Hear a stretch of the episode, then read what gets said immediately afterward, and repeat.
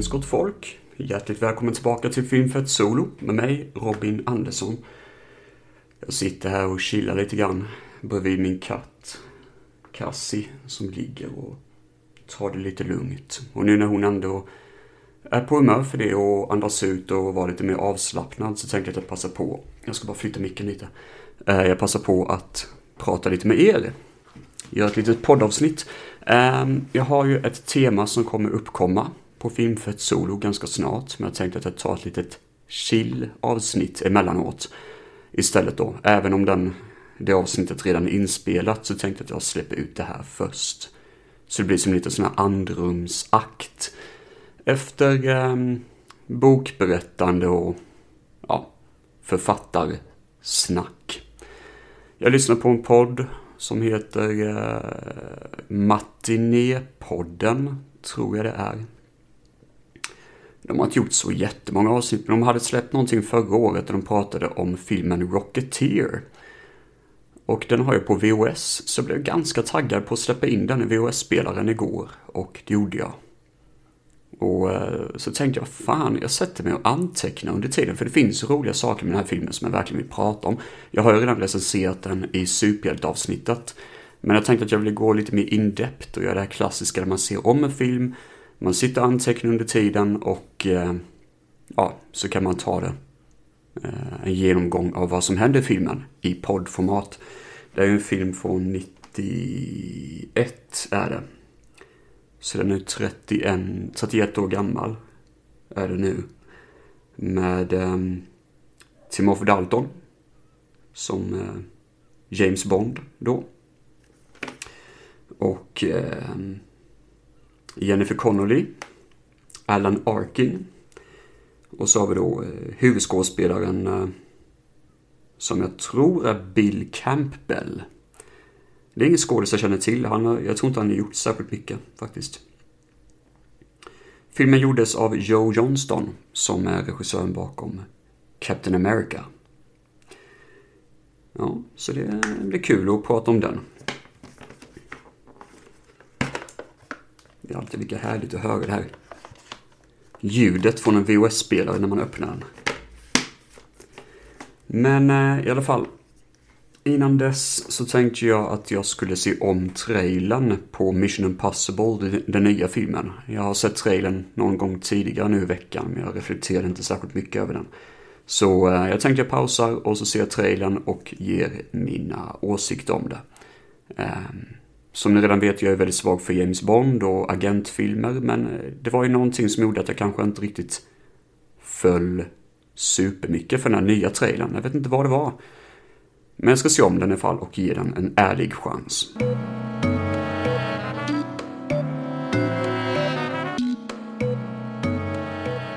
Mission Impossible Dead Reckoning Part 1 heter filmen. Jag såg precis trailern och eh, det kanske är det, det, det är mer en teaser än vad det är en trailer, men det kan vara det att jag känns som att jag har sett det så många gånger förr. Att det är någon person som hotar Ethan Hunt och hans gäng och säger typ att slåss för de goda en dum idé. Och gjorde inte han det väldigt mycket i den förra filmen? Han eh, Salomon från Mission Impossible Fallout. Alltså visst, jag, jag vet inte riktigt hur man ska kunna göra Mission Impossible bättre i stort sett när det bara håller på, alltså hur man skulle kunna göra den här filmen bättre. Men det känns lite upprepande. Men visst, alltså man är ju inte taggad på den kanske. Jag får se när nästa trailer dyker upp vad jag tycker. Det är ju en scen då han använder motorcykel och hoppar ner för ett berg. Det är ju ett jävla stunt. Och det vet man ju att det är galne Tom Cruise som säkert gjort det själv då. Och sen var det rätt mycket foto från Norge. Um, jag tror det i alla fall, för jag har för mig tågscenen. Det är ett tåg där han slåss på taket av ett tåg. Jag för mig det ska vara inspelat i Norge. Uh, om man inte minns fel. I alla fall, vi får väl se hur, hur det blir. Det här är bara en teaser som sagt var, men jag fick väl inte riktigt den känslan. Det kan vara det att man kanske är ganska mätt nu efter all James Bond där och hur den senaste filmen slutade. Att hur ska man... Det, det kanske är lite grann eh, slutet av en era för tillfället i alla fall, med agenter och spioner. Um, Och med tanke på konflikter och krig som är lite mer pang på så är det kanske lite svårt att få ihop det här liksom. Sen vet man inte heller, den här kanske utspelar sig lite grann i Ryssland och det kanske inte hade varit så kul heller. Um, ja, det är knivig situation där. Jag tror människan vill ha en verklighetsflykt nu. Jag tror inte riktigt att agenter och CIA Eh, espionage fungerar just nu i alla fall. Ja, ja, vi får väl se helt enkelt vad som händer, men det är min eh, generella respons till trailern. Um, men det låter som att det var väldigt negativt, men man är ju ändå lite nyfiken, det är man ju. Det är ju ändå Tompa, Tom Cruise. Och det är ju otroligt underhållande att se honom hela tiden på vita duken, det går inte att komma ifrån. Nej, men nu tycker jag vi sätter igång med recensionen av Rocketeer och jag tänkte jag ska göra lite grann som i den underbara tillbakaspolat-podden. Att jag analyserar bak, eh, baksida och framsida lite grann. Och eh, framsidan, eh, det är en superhjältefilm då. Eh, producerad av Disney. Den fick tydligen någon typ av animerad uppföljare, har jag för mig. Men eh, jag har inte sett den, så, och den ska tydligen vara rätt risig, så det är därför ingen har hört talas om den. Eh, någon animerad serie som ska gå på Disney Plus tydligen. I alla fall, Rocketeer um, har ehm, moln i baksidan, bakrutan. Och så står det Rocketeer med Indiana Jones-liknande text. Då de här lite eh, äventyrliga brandgula texten. Som har lite taggar och spikar här och var. för att se lite fräck ut. Um, och så ser man då um, att um, det är en kille som har på sig ett jetpack och en hjälm av metall. Och flyger eh, på omslaget. Han tar upp nästan halva bilden av, ehm, av eh, omslaget. Och sen så ser man lite ansikten på tre personer. Vi har huvudkaraktären med sin jetpack utan hjälm, som man ser honom. Och sen har vi Jennifer Connolly, som uppenbarligen måste vara eh, kärleksintresset i filmen. Och sist men inte minst så har vi då Timothy Dalton i kostym och med en sån här liten cool mustasch som ehm, man hade typ under 50-talet. Ehm, och i bakgrunden så ser man också en eh, flyghangar som exploderar och brinner, typ. Um, en scen som jag inte tror var med i filmen, så de har nog bara klippt in det som en cool grej tror jag. Men um, det är framsidan. På baksidan har vi tre bilder. Vi har att superhjälten då står eh, med, på någon typ av metallplatta med svart bakgrund. Jag tror detta är från slutet av filmen faktiskt, jag är nästan för med det. Um, I en cool pose, han är redo för att slåss typ. Mot ett hot som vi inte riktigt ser. Och uh, sen så ser vi då Timothy Dalton som håller en uh, sån här k-pist som man hade under 50-talet eller 40-talet. Sån här uh, gangster k-pist och skjuter mot något. Vi ser inte vad det är. Och så är det väldigt brinnande ljus bakgrund då. Det är nästan så att det glöder och exploderar i bakgrunden. Sen så ser vi återigen då våra hjältar, eh, huvudkaraktären och hans kvinna som kollar mot kameran. Lite sådär eh, nästan som att det är ett hot framför dem och vi ser lite brinnande ljus. Det ser ut som att det nästan är en eld som, är, eh, som de kollar mot då. Ehm, och texten på baksidan. Blixtrande action i samma härliga anda som Indiana Jones. Full rulle. Jag gillar det ordet, full rulle, det är coolt. Full rulle med spänning, komik och bländande special effects från första till sista rutan. I det glamorösa 30-talets Hollywood kommer den arbetslösa stuntpiloten Cliff Seckords Eh, tursamt över en hemlig stämplad uppfinning, en otrolig raketmotor som kan bäras på ryggen. En supermotor som får dem att flyga som en mänsklig raket. Men det dröjer inte länge innan en slug nazispion, främst spelad av Timothy James Bond Dalton, försöker stjäla jetmotorn. I kulissen lurar också FBI och hela amerikanska försvarsmakten. Cliff kastas hemlös in i ett farligt hjälteuppdrag.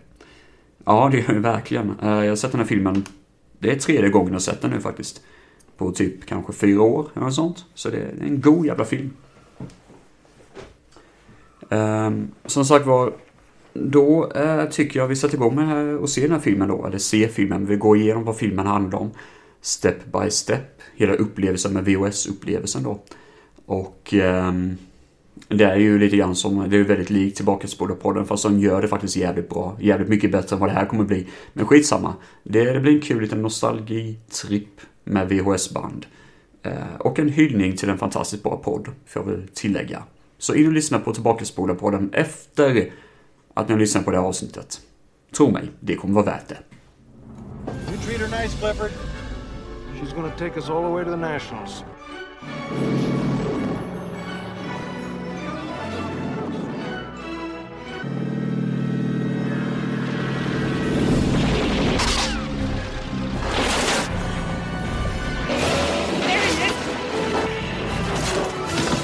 Something right. Get away! Now where's the package? Blown to hell. This is the FBI! It was stolen from my bag. What do you suppose it is, a bomb or something? It's a rocket. A rocket? I wouldn't touch that if I were you. You paid to see a man, wouldn't you? How do I know? The hood ornament. Stand clear. What was that?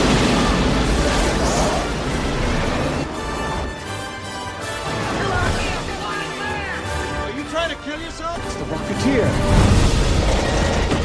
Hand over the rocket. Go get him.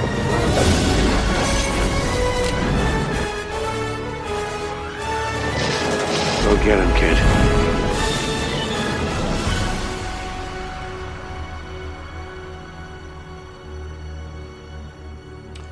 Det börjar då med lite för-trailers till filmen.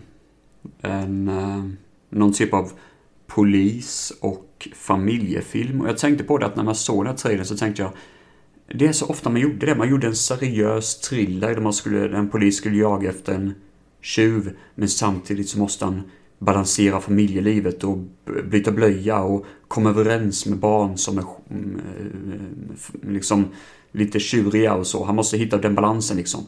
Och det, det, det var så klassiskt 90-tal. Det känns som att det var en egen genre typ polis slash familjefilm. Uh, och så är det han som spelar Batman då, jag kommer inte ihåg vad han heter nu men uh, Han som spelar Batman i de första eh, två Batman-filmerna. Uh, fan heter han? Han, han är med Birdman också och McDonalds-filmen. Det står helt stilla, jag har faktiskt inte skrivit ner vad han heter. Men det som jag reagerade mest på är verkligen att man gjorde jättemycket sånt här generiska filmer under 90-talet känns som. Kanske till och med 80-talet med um, Kindergarten Cop och liknande och till viss del True Lies, men det är ju faktiskt en väldigt bra film som eh, är lite åt det mer vuxna hållet. Men eh, ändå att man försökte blanda det här med familjerelationer och lite whimsical, lite kul sådär liksom med någonting som är lite mer seriöst. Ehm, jag skrev inte ner vad filmen hette för jag tyckte inte den lät intressant, men det var det enda som jag hade att reflektera på på den trailern. Däremot nästa trailer var en Bill Murray-komedi Där Bill Murray spelar en karaktär som heter Bob och eh, återförenas med en kompis som typ hatar honom. Eh, trots att familjen verkligen älskar honom och bara Men varför hatar du Bob? Han är ju jättekul typ. Och han bara Jag hatar snubben, han är sjuk i huvudet, det är något fel på honom. Typ sådär liksom. Och trailern visar inte vad det är som är fel med Bob. Men eh, det visar bara hur, hur galen den här pappan blir på honom. Så, ja. Och Bill Murray är ju Bill Murray, han är ju lite småkul men han är väl ingen sån här skådis, nu kommer jag svära i kyrkan här, men han är ingen skådis som jag är jättefascinerad av egentligen. Jag vet inte vad det är, det är bara någonting, jag har inte riktigt sett något som gör att jag, wow, älskar honom. Jag har lite, lite svårt för Ghostbusters, jag vet inte vad fan det beror på, men jag har lite svårt för den. Och det är inte någonting mot filmen, det är bara, jag vill verkligen kunna älska den, men jag hittar bara inte riktigt kärleken till den. Men i alla fall, um, kan vara att jag såg när jag var ganska mycket äldre. Alltså så. Och eh, jag har inte riktigt den relationen till den filmen som många andra har.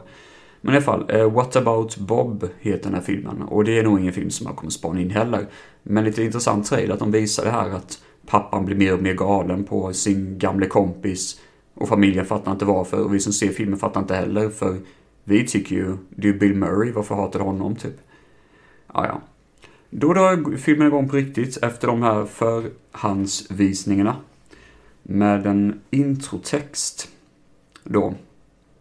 Och så är det världens mest opassande låt för en kärlekslåt i bakgrunden. Och kärlek som uppstår i den här filmen, det är ju inte någonting som är fokuset. Men jag tycker det är sån här fin och ljuvlig musik och det funkar inte riktigt tycker jag. Jag tycker det var jättekonstigt att de la till det. Um, sen får vi se en flygövning. Då huvudkaraktären, som det heter Cliff Secords, hoppar på ett plan.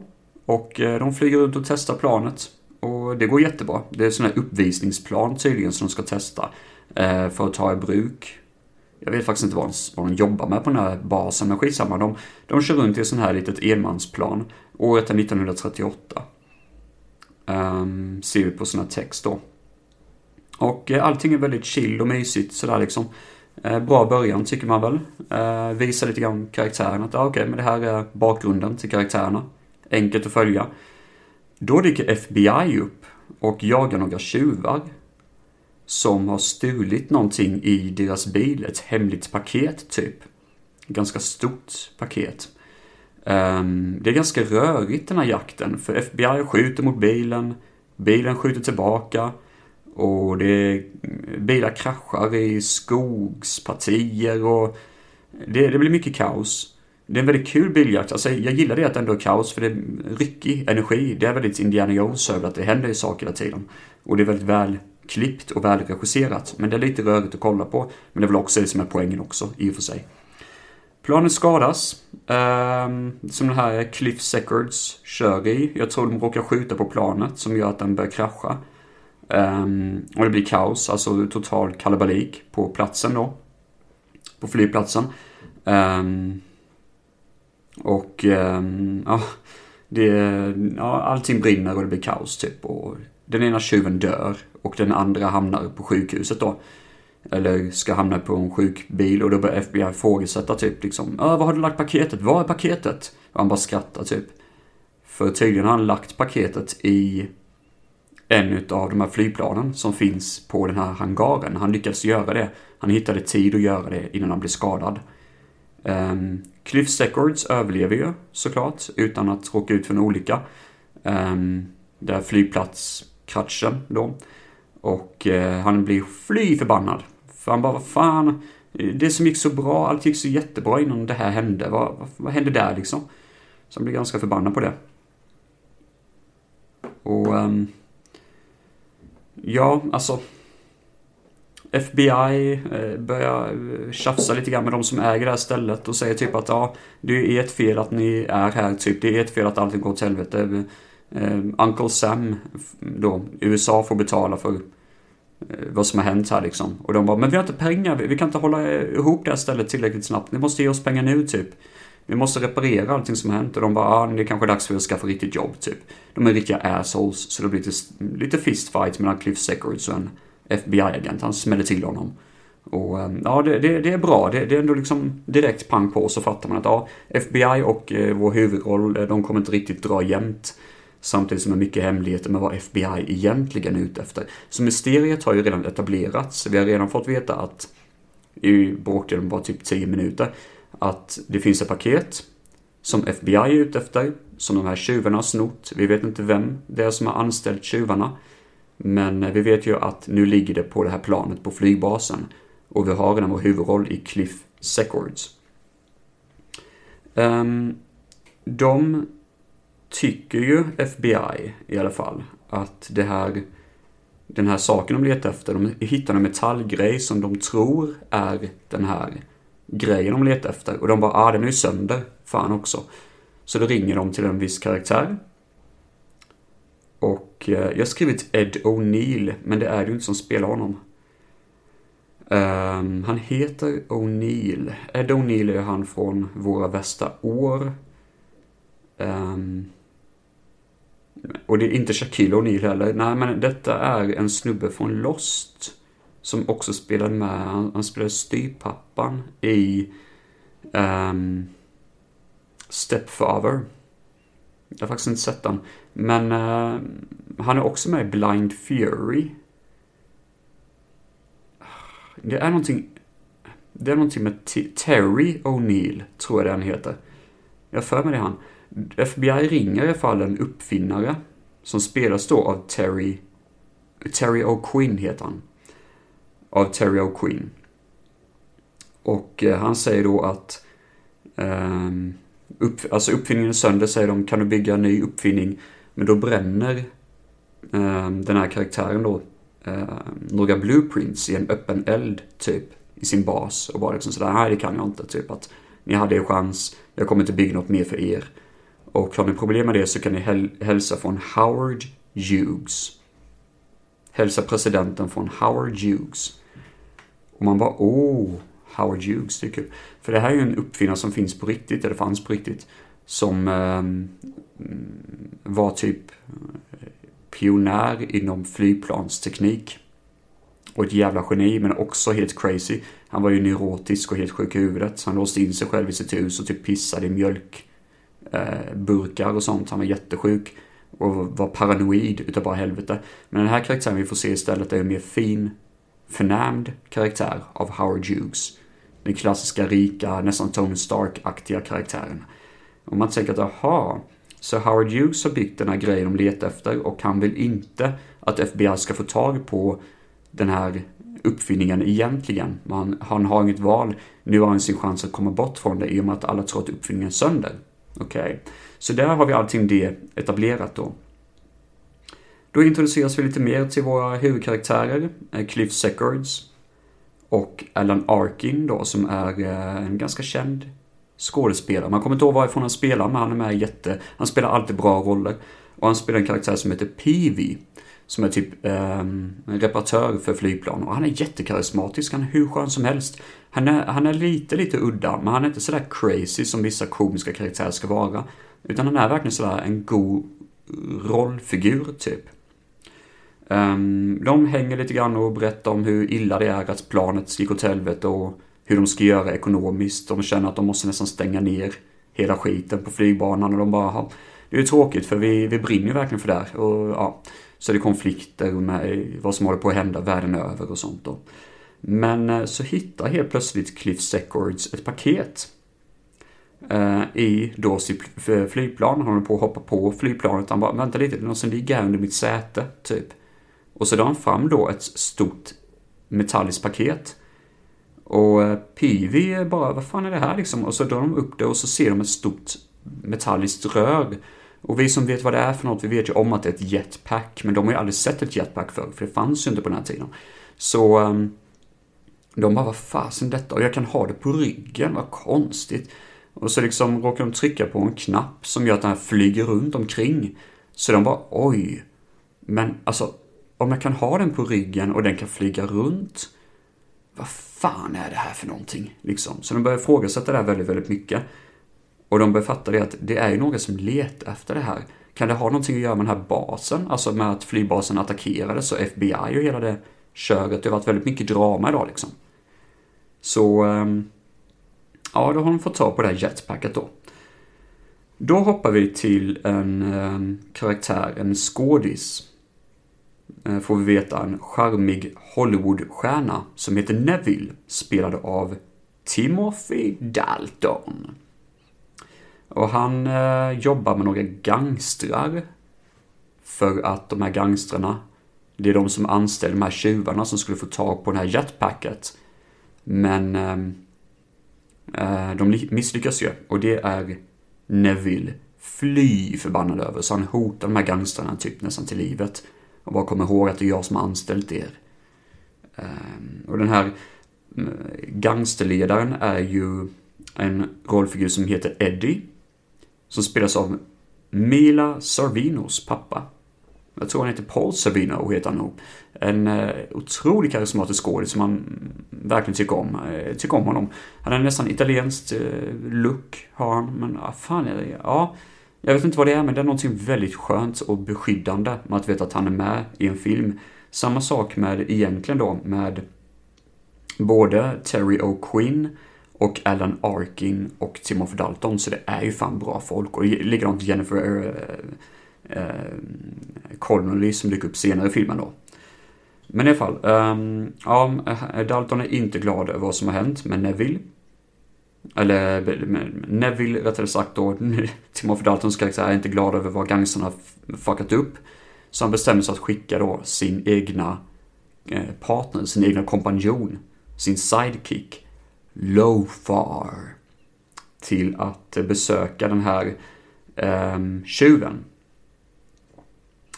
Och eh, Lofar är en grotesk och storvuxen man med sminkat ansikte. Han är ju sminkat på det sättet som påminner väldigt, väldigt mycket om eh, eh, Dick Tracy. Det står till och med det på omslaget av filmen. Från Pekka Haino, radioapparaten. Radioapparaten, vad fan. Det är i något som, ja, någon som har skrivit något positivt om filmen då. En rejäl portion Indiana Jones, lite Superman och en gnutta Dick Tracy. Höstens äventyrsfilm har de tryckt på omslaget av Rocketeer. Så det är lite kul.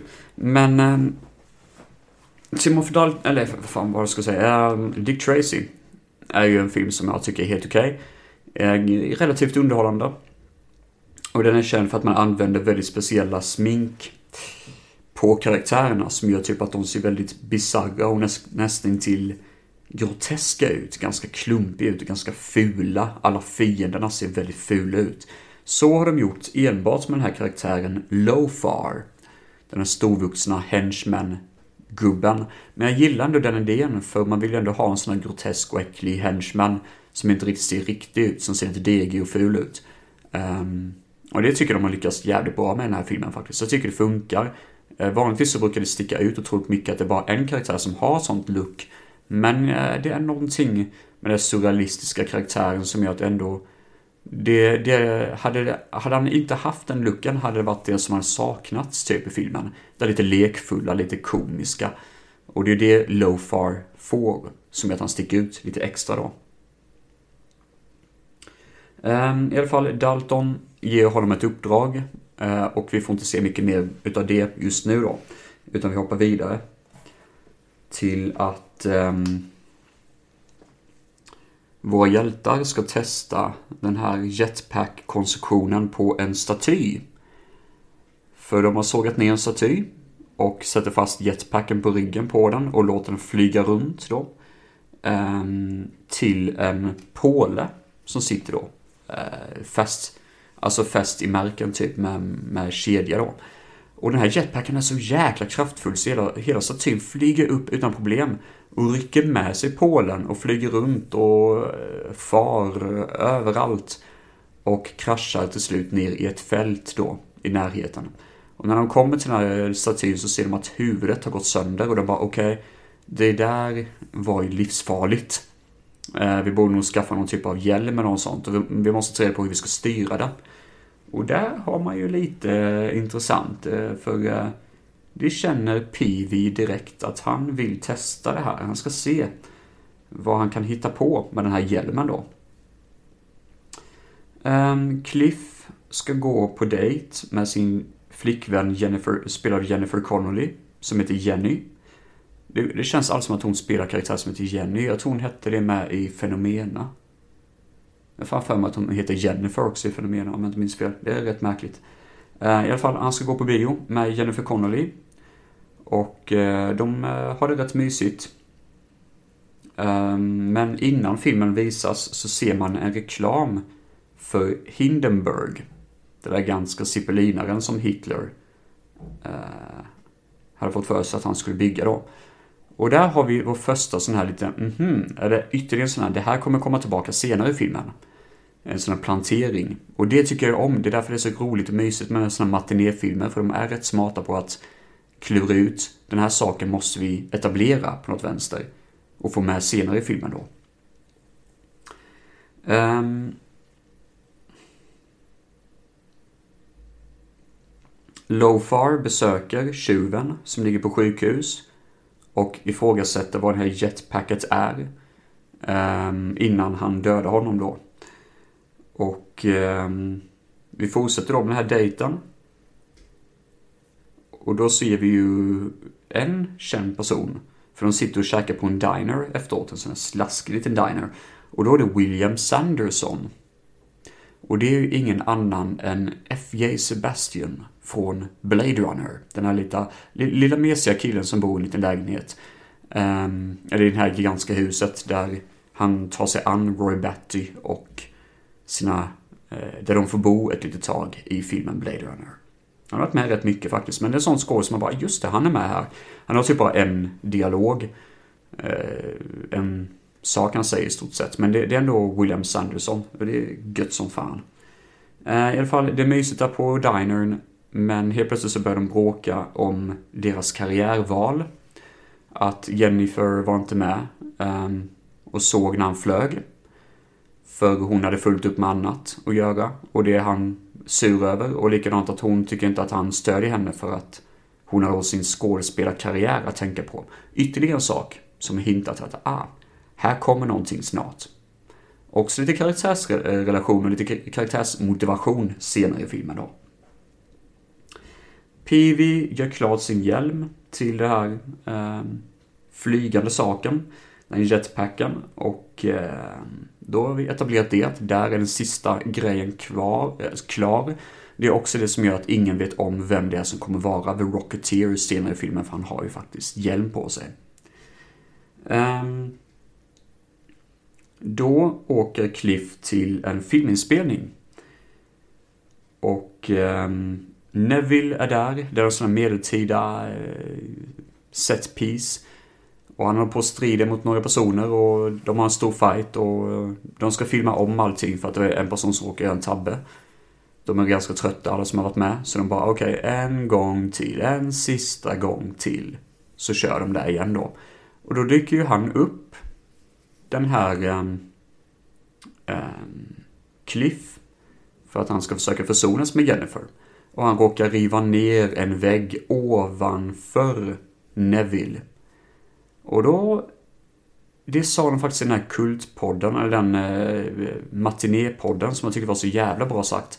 För det här är lite symbolik. De river ner Hollywood över en skådespelare som egentligen har lite mysko saker för sig i bakgrunden, som egentligen är vår fiende, men det vet ju ingen om ännu. Men eh, den rivs ner ovanför honom och han ligger under ett bord och gömmer sig. Så han ser ju inte att det är Cliff. Han ser ju inte vem det är som har rivit ner. Han vet ju inte ännu någonting. Men i alla fall, eh, Cliff börjar prata med Jennifer. Jennifer får sparken från inspelningen. För att hon saboterade allting. Och eh, så sätter sig då Neville och suckar och stönar lite grann. Och liksom sätter sig på en stol och bara... Huh, sätter sig lite grann lugn och ro. Och då hör han någon berätta om en jetpack. Och han inser, han ser ju inte vem det är, för han ser bara ryggraden av den här personen. Men den här personen verkar vara ihop med Jennifer. Och då tänker Neville, den här jetpacken, helvete, där har vi honom! Och springer efter den här killen. Men då hinner ju eh, Cliff komma därifrån, komma från inspelningsplatsen. Och eh, det gör ju eh, Neville fly förbannad. Um, samtidigt som man får veta då såklart att hans, uh, den här eh, Jennifer har fått kicken. Så han bestämmer sig att trösta henne och ser det som en chans att bjuda ut henne på dejt. För han inser att det här är jag kan bara få tag på jetpacket genom att använda hans flickvän. Så allting hör ihop. Allting hör ihop i motivering och motivation. Um, då har vi den fantastiska scenen, den som kickar egentligen igång allting. Vi har eh, sån här pilotuppvisning. För det är en, så, en sån stor sak också som har byggts upp lite grann. Att det ska vara en sån här stor show-off på, en, eh, på den här flygplatsen. Där man ska visa upp en massa pilotuppvisningar. Och Cliff skulle egentligen spelat en eh, clown som gör lite sådana här eh, volter och håller på med, med planet. Men Cliff var inte där för han håller på med annat. Jag kommer inte ihåg vad han gjorde, men han var för sen. Så då är det en av personerna från baren som verkligen ty tycker jättemycket om Cliff och hoppas att han och hans flickvän ska för försonas igen. Som bestämmer sig då att ah, fan, jag måste täcka för, för Cliff och för Piv. Typ. Han är en jättegod kompis den här killen. Så han hoppar in i eh, planet och börjar köra istället då. Och då dyker eh, Cliff upp och han bara, vad är det som händer typ? Han kör ju jättedåligt typ. Och då säger Piv bara, han har ju inte använt planet på jättelänge. Är det inte du som kör planet då? Uh, Cliff bara, nej det, nej det är det inte. Och de bara inser att ah, det är ju han. Det är ju deras kompis som inte har varit pilot på jättelänge. Så han flyr runt och gör massa volter och håller på men det går inte så bra. Och helt plötsligt så ser man det att motorn, den börjar strula. Fan också, tänker de. Vi måste rädda vår kompis. Så um, Cliff springer iväg, tar på sig sin utrustning och han har inte testat den här jetpacken på riktigt. Så han flyger efter och det blir en jäkla scen. Där han först försöker rädda planet, sen försöker han liksom styra runt den här jetpacket ordentligt. Han har ingen kontroll över det. Så det blir ju kaos. Och folk eh, tjoar och kimmar och pekar och håller på. Bara han räddade, han räddade den här chauffören i planet. Vem är det där? Vem är det där liksom? Raketmannen som har hjälm på sig så ingen ser vem det är. Och han flyger runt och han, eh, saker och ting går bananas. Han flyger förbi ett passagerarplan och ja, det, det blir verkligen jätte, jätte bisarrt det här. Och eh, ja, flyger runt på landet och hamnar till slut i någon liten bäck typ. Um, och där kom ju som tur är Piv upp först. Och um, så ser de då några bilar som kommer härnäst uh, efter dem och då har Piv bara Men fan vad håller du på med? Du kan inte flyga runt så här, det är livsfarligt. Du, vi kommer åka in i finkan för detta. Uh, nu får vi ta och sticka ifrån, typ. För nu kommer säkert en massa reportrar och sånt och det, ska, det, det kan vi inte ha, liksom. Så de ska sticka därifrån. Bilen startar inte. Så då använder ju Cliff sin jetpack och pushar på bakom bilen. Och i en jäkla push med hjälp av jetpacket så de flyger bort, alltså de kör i, i nitro-hastighet bort från platsen. Men det är ju inte, eh, jag vet det, FBI och det är ju inte eh, reportrar som dyker upp där. För FBI är också på den här uppvisningen, för de tror ju också att det här paketet finns någonstans på eh, uppvisningsplatsen. De är helt hundra på det. Men det är ju inte de, utan istället så är det då eh, eh, gangstrarna som kommer och de bara Satan också, vi missade dem. Också på uppvisningen, det glömde jag säga, så har vi en väldigt ond producent som typ inte vill avbryta uppvisningen utan låtsas att allt bara är, eh, alltså allt ballar ut och så säger han bara att det är en del utav showen. Och det är en ganska viktig karaktär också. Eh, för han gör en sak som är lite viktig sen för storyn. Även om han har en jätteliten roll så är det en ganska viktig detalj att ta upp.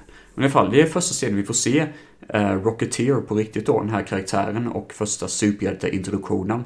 Och det funkar faktiskt jävligt bra. Den är inte för lång, den är spännande, men också lite sådär att nu börjar alla de här komponenterna komma på plats lite granna. Och nu är frågan hur nästa steg kommer ske.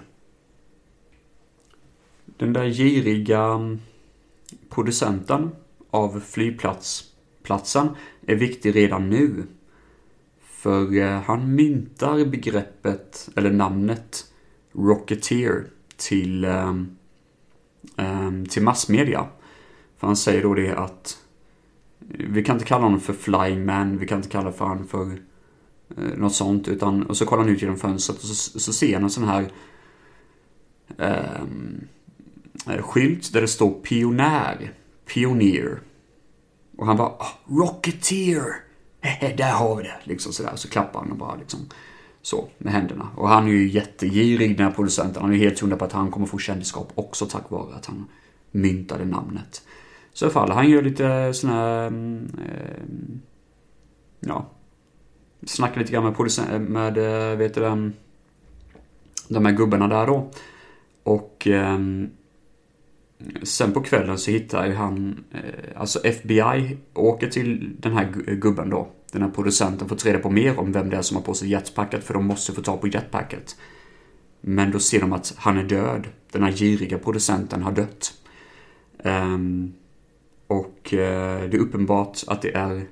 De vet inte om det, men vi som tittar på filmen vet om att det är Lofar, den stora äckliga jävlen, som har dödat honom. Och Lofar har fått veta information var Cliff och var Peavy bor någonstans. För de bor tydligen tillsammans i ett hus. Vilket låter jättekonstigt, men de, eh, det, det, här var ju under krigets gång och allt det där, så det finns säkert någon förklaring bakom det. Att ingen av dem eh, kunde bo ensamma och sånt, jag har ingen aning.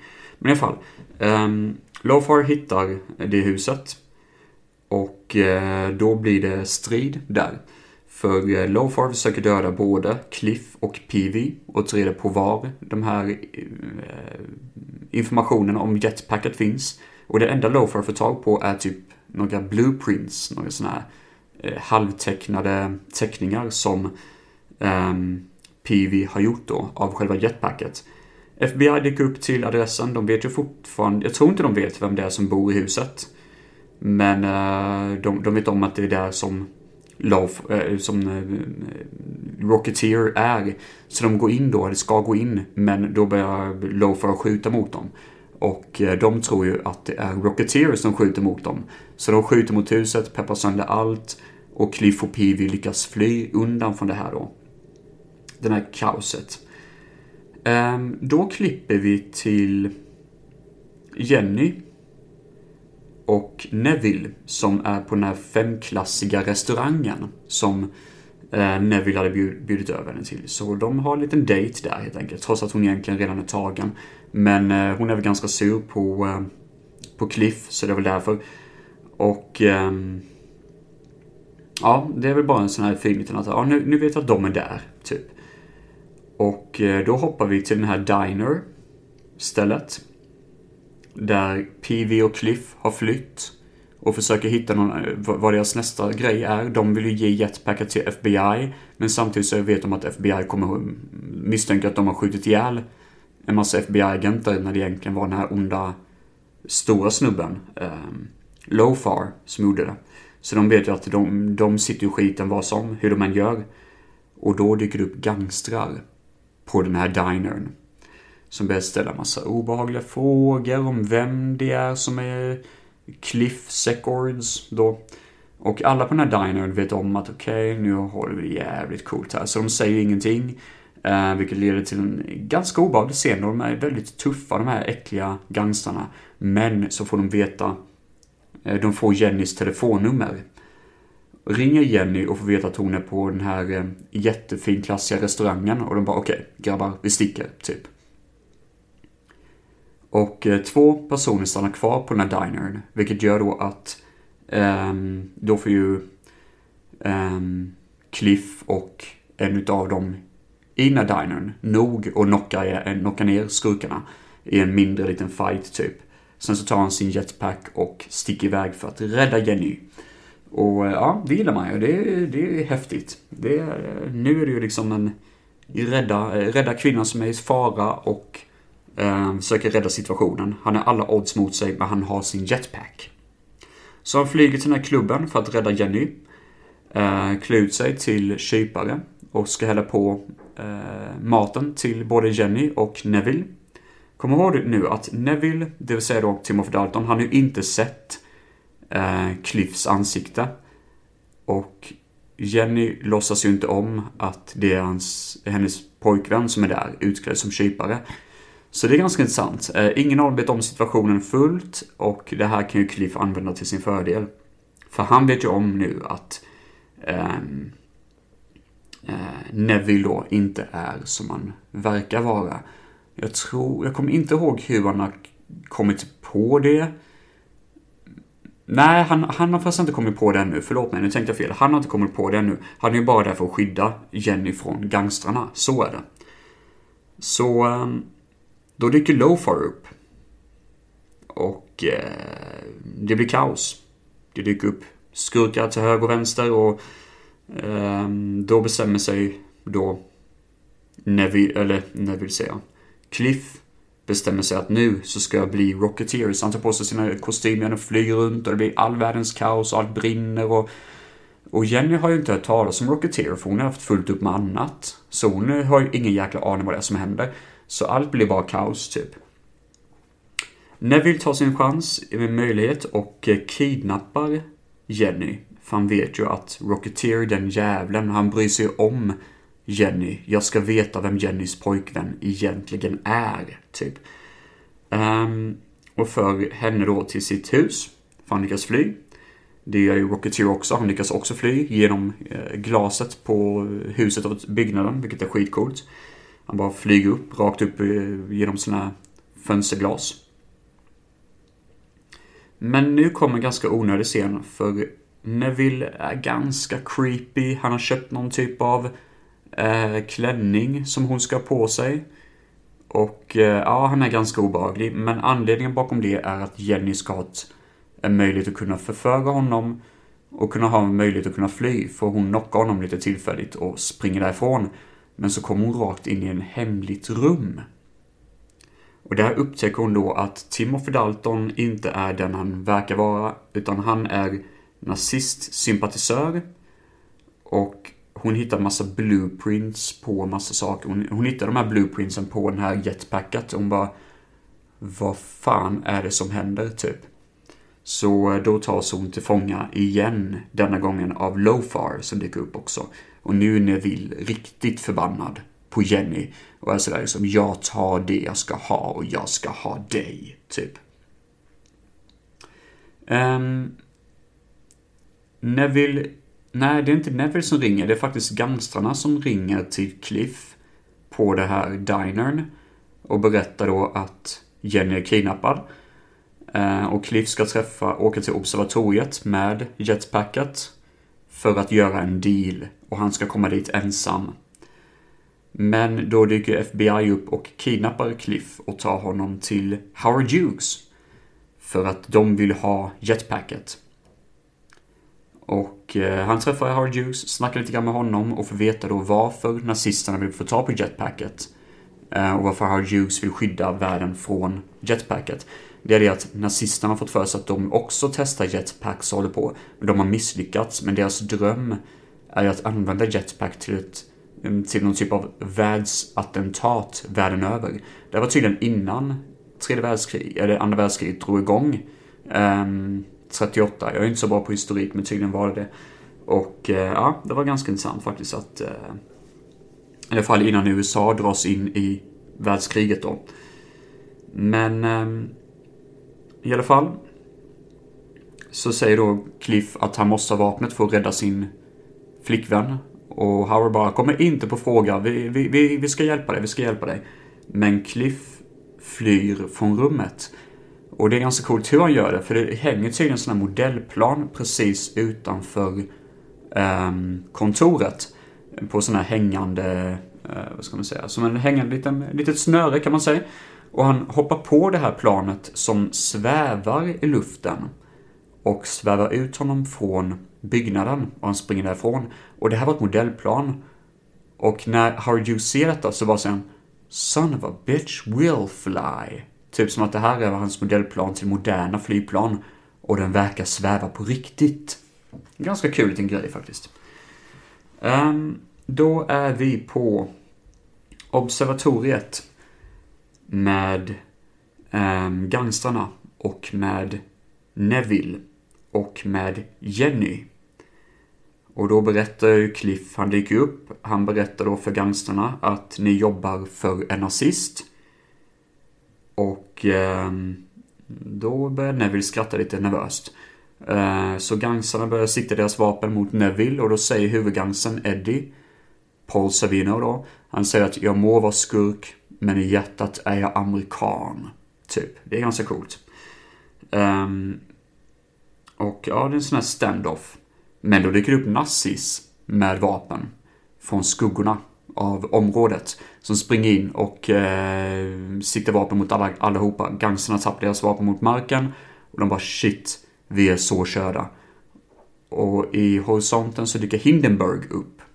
Precis ovanför observatoriet. Man tänker bara shit, där har vi Hindenburg som vi har blivit hintade mot tidigare i filmen. Så jävla bra. Så jävla coolt. Då dyker det upp FBI bakom skuggorna också, som har koll både på nazisterna och allt som händer. Och nu ser ju alla sin chans för en shootout. Så eh, saker och ting skjuts, um, Cliff använder den här raketen till att flyga bakåt, typ. Så han flyr undan kaoset. Um, och Neville tar ju med sig då Jenny ombord på Hindenburg tillsammans med Lofar. Um, ehm, och eh, Rocketeer ser sin chans att ta på sig sin utrustning och flyga upp då mot Hindenburg. Och eh, både FBI och maffian jobbar tillsammans för att skjuta ihjäl alla eh, onda nazis i en liten shootout där då. Rocketeer landar på Hindenburgs eh, topp. På taket om man säger så. Och det är ju vätgas där, så det är livsfarligt där stället liksom. Skulle det börja brinna så är man ju körd. Alla vet vad som hände med Hindenburg på riktigt liksom. Det var ju mm, katastrof. Eh, utan dess like. Precis som Hitlers eh, makt var en katastrof. Men i alla fall. Eh, han slåss där mot Lofar en liten strid, men lyckas knocka Lofar tillräckligt mycket så att han blir nernockad ett tag. Och Lofar är fastbunden någon typ av snöre runt Hindenburg. Så även om han faller så hänger han bara i luften typ liksom. Så han, eh, han är inte i någon större typ av fara. Um, och då blir det då konfrontationen inne i Hindenburg. Och då inser ju Cliff att han är körd, typ. Att ja, han har ju inte en chans mot um, Eh, mot eh, då Neville Sinclair och de här nazisterna. Så han ger upp. Men han har ju en smart idé. För han vet om att sedan tidigare så har hans jetpack fått en smäll, vilket gör att han får använda tuggummi för att typ läcka över ett läckage som har hänt. Där det läcker olja då. Och nu puttar han ju undan det här tuggummit lite grann och glider över det här jetpacket till Eh, Neville som plockar upp det och bara ha ha ha. Och liksom står där bara, fan vad gott, tack så jättemycket, det, det här ska bli jättekul, ni är så jävla körda typ. Så han eh, flyr från, jet, eh, från eh, Hindenburg för den börjar brinna. För att Jenny har använt en sån här eh, eh, nödraket och att skjuta inuti eh, deras kontrollrum, vilket inte var så smart. Så det börjar brinna överallt. Och eh, Neville bara flyr med jetpacket. Men då tänds ju den här jetpacket eld. Och Neville exploderar i luften. Total detonation. Så eh, nu är han borta ur leken och nazisterna nedknockade. Eh, Hindenburg brinner och våra hjältar tar sig upp på toppen av Hindenburg och bara hur gör vi nu? Och då hör de ju hur någonting kommer i, fjärran. Och det är ju såklart helikoptern, eller det, här planet som... Um, ett plan som styrs av den gubben som Cliff räddade. eh, I mitten av filmen. Den här gubben som höll på att få hjärtattack typ när han var ute och körde. Så han räddar dem. Plockar upp dem jättesnabbt med hjälp av ett rep. Eh, de tar sig därifrån och Hindenburg brinner. Och då ser man ju Lofar som dyker upp. För han, är ju fort, han var ju bara knockad. Och så ska de försöka springa efter det planet och hoppa på det. Men han märker ju att shit, någonting håller fast mig. Och så ser han ju att det är ju kvar det här jäkla repet som han hängde i. Och han bara, oh shit, jag måste ta bort det här. Men så ser han ju såklart att Hindenburg exploderar och skriker av terror när han dör i flammorna av Hindenburgs detonation. Så mina damer och herrar, det är så man kör en final. Kort och koncist men jävligt spännande. Kul miljöomfång och eh, ja, riktigt sweet. Um, och det är väl typ där filmen slutar i stort sett. Det blir en liten teaser till en uppföljare man inte fick. Uh, med att uh, Howard Hughes ger blueprints till Peeves om hur man kan förbättra ett jetpack. Men det blir inte något mer med det. Men uh, så ger han också ett riktigt coolt plan till Cliff som present. För att han har räddat världen från nazisterna, typ. I stort sett. Och det är där filmen slutar. Ett väldigt fint och väldigt vackert avslut. Eh, såklart så kysser, sig, kysser både eh, Jenny och Cliff och andra. Och slutet gott, allting gott. The end, typ, i stort sett. Uh, jävligt vackert, faktiskt. Jättekul. Men VHS-upplevelsen är inte slut där, för vi får ju trailers på filmer också. Vi får trailers på två till filmer.